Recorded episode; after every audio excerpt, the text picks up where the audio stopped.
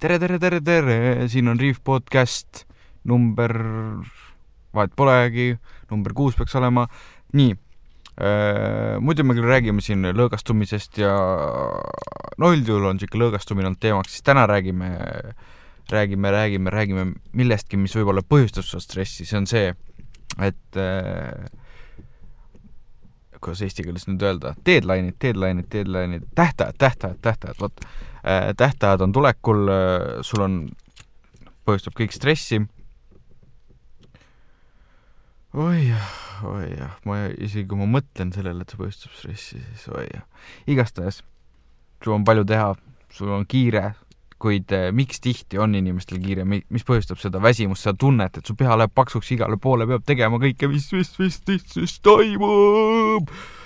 on see, millest ma just praegu loen. mul ise nii-öelda ideed peas formuleerisid siis ma leidsin täpselt õige raamatu, äh, võite lugeda, äh, Deep Work on inglise keeles, ma ei tea, kas seda eesti keeles on, ma üldiselt väga palju eesti keeles raamatuid ei loe või noh, ikka loen, aga Deep Work inglise keeles põhimõtteliselt räägib see siis sellest, eh, kuidas eh, olenevalt tööst, kas siis oled loovtöö või juht, eh, kõik vajavad tegelikult aega nii-öelda deep work ida. Deep work ida tähendab seda, et kõik su äh, distraction'id nii-öelda, ma võtan väljendeid raamatust äh,, tõlgin ümber jooksvalt, mul lihtsalt lipsavad need sisse äh,, kõik nii-öelda takistused, mis juhtuvad sul töö ajal, tegelikult segavad seda, mida sa pead produtseerima, seda nii-öelda value't, seda väärtust, mida sa maailmale pead looma, kõik see segab, okei okay,, muidugi on erinevad, raamat räägib põhiliselt sellest, kuidas äh, nii-öelda loovad inimesed, kes peavad noh, kontoris töötavad, ma siin ei räägi praegu meditsiinitöötajatest, arstidest ega sellistest, see on hoopis teine teema, eks igaüks saab aru, et jutt käib temast, nii, ütleme, et sul on vaja äh, kirjutada näiteks kolmekümne leheküljeline äh, nii-öelda raport, äh, mis suunas ettevõtet arendada, ükskõik mis, ma toon lihtsalt lambise näite, nii äh,, hakkad kirjutama, ma toon kõige hullema näite, sa töötad firmas, kus on nii-öelda avatud töö, kuidas öeldakse, avatud kontoriruumid, see, kus sul on, võib-olla pole neid isegi cubicle'igi ja lihtsalt avatud tööruum, et nii-öelda äh, nii nagu kõik uued startup'id kõik teevad, et oleks innovaatiline, ma olen ise väga startup'i mõtteviisiga, ei taha siin kedagi kritiseerida, äh, kuid see raamat just, noh, no ma räägin sellest, mis see raamat räägib, mis on teaduslikel uuringutel põhineb, et äh, kõik see tegelikult, see avatud tööruum, et äh, see on lihtsalt, keegi kõnnib mööda, sa hakkad just, sul kulub umbes kakskümmend viis minutit, et saada oma deep work nii-öelda faasi sisse, keegi kõnnib mööda, ütleb, kuule, kas sa saaksid korra seda vaadata, keegi kõnnib mööda, oh kuule, vaata seda videot. tema nagu küsib sult, oh, mis sa arvad sellest ja kakskümmend viis minutit läinud ja nii pidevalt, pidevalt, pidevalt, pluss kõik see lärm, pluss äh, noh, et äh,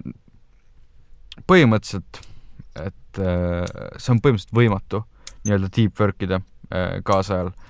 et see on oskus, mis on järjest vajalikum, sest me, me ikkagi põhimõtteliselt Eesti kindlasti on järjest rohkem või noh, veel, veel rohkem läheb kohe nii-öelda knowledge society ehk siis nagu teadusühiskond, et kõik, mis sa teed, käib su ajuga. aga põhimõtteliselt noh, seal oligi, et kui sa oled tõesti, oled kirjanik, siis sa nagu Mark Twain, sulged end kuhugi puukuuri ja kirjutad lihtsalt, tuled välja. muideks Mark Twainil oli niimoodi, et kui perekond tahtis, et ta sööma tuleks, nad toast kuskilt kaugelt puhusid metsasarve, et ta tuleks sööma. põhimõtteliselt ongi, sa pead teadma vastavalt, no ta tõi ka, see autor tõi ka näite, kuidas, kui sa oled tipp-CEO, äh, kelle ta tõi näiteks, Jack Dorsey, kes on Twitteri ja Square'i CEO samaaegselt, nagu mõelge samaaegselt, nii. Äh, ja tema, noh,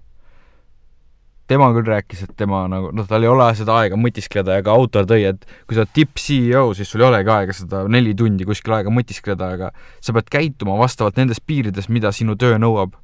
näiteks Bill Gates, äh, siis kui ta Microsoftis veel CEO oli, äh, kaks korda aastas oli kaks, äh, sulges ennast nädalaks ajaks ainult põhimõtteliselt raamatute, artiklite nii-öelda lihtsalt informatsiooniga paberite ja pastakaga nädalaks ajaks kuskile wood cabin'isse ja lihtsalt mõtiskles. seal ta tegi oma tulevikuennustusi, kõike, kõike, kõike, kõike. ja samamoodi soovitab ka autor, et sul võib-olla tõesti pole iga päev aega neli tundi, kuid leia see aeg nii-öelda deep work ida. et äh, noh, see deep work on üks asi, aga teine asi, mis ei ole võib-olla, on see, ongi see, mis ma tahtsin öelda, et äh, meil on nii palju segavaid faktoreid, sa ei pea emailile kohe vastama, kui see pole just su töö neile kohe vastata. Siin ongi see vahe, siin ongi see vahe. ja pluss isegi, kui sa, kui see on su töö sulle vastata, siis tihti see kiirus, mis sina arvad, et sa pead vastama, ei ole see, mis tegelikult peab olema, mida võib-olla, ütleme, sa oled kliendihaldur, mida su klient loodab, et sa vastad. ta võib-olla mõtleb, et kolm päeva, väga hea, üks päev oh,, vastasid tunni aja jooksul, ah fuck it, tema sulle vastab ikka kolme päeva jooksul, on ju. see on see, mille sa pead välja uurima, ta, raamat ongi väga hea, et ta räägib seal, on ideaalne, mi-, mi-, milline töö võiks nõuda ideaalselt, millist seda, aga see on iga inimese enda nii-öelda roll välja uurida, mis talle kõige paremini sobib, aga jah, noh, võib-olla isegi seda deep work ida niimoodi, et sa isoleerid end kuhugi helisummutatud ruumi, sa tõesti ei saa teha seda tihti,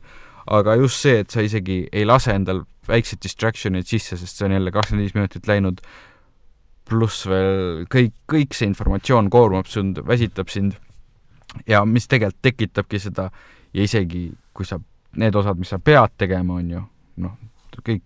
peavad võib-olla mingit sotsiaalmeediat juhtima või midagi, siis peale seda ongi vaja lõõgastuda, kõik see tegelikult, noh, see ei ole nii-öelda loomulik inimese keskkond, mis on evolutsiooniliselt arenenud ja mille inimene juba on omastanud.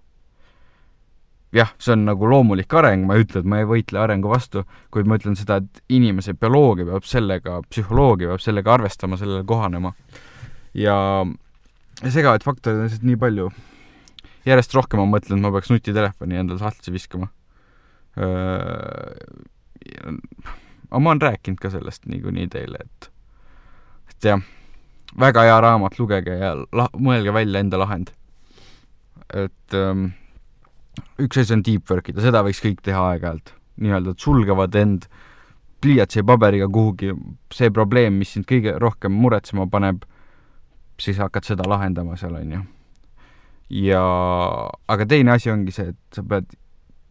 ole isekas, ütle ei asjadele, pane oma kabineti uks kinni, lukusta see, pane see do not disturb äh, silt sinna, tee reegel, keegi ei sega sind, kui uks on näiteks kinni, ütleme, et sul on iga päev saad näiteks isegi pole mitte deep work aeg, vaid on näiteks, et sa nii-öelda paned kokku kõik oma telefonide kõnede ajad iga päev kella kaheteistkümnest üheni sa teed telefonikõnesid ja siis on kõik. siis on kõik, kõik, kõik, kõik, kõik, siis jäävad ainult kriitilisemad kõned. aga muidugi, kõik sõltub jälle isiku pärast, ma räägin siin ideaalsetest asjadest, kõik peavad endale äh, nii-öelda leidma sobiva lahenduse. et iga inimene on isikupärane, nii et äh, ma ei kuuluta siin absoluutset tõde. aga mida vähem teavitusi, mida vähem kiskumist, seda parem on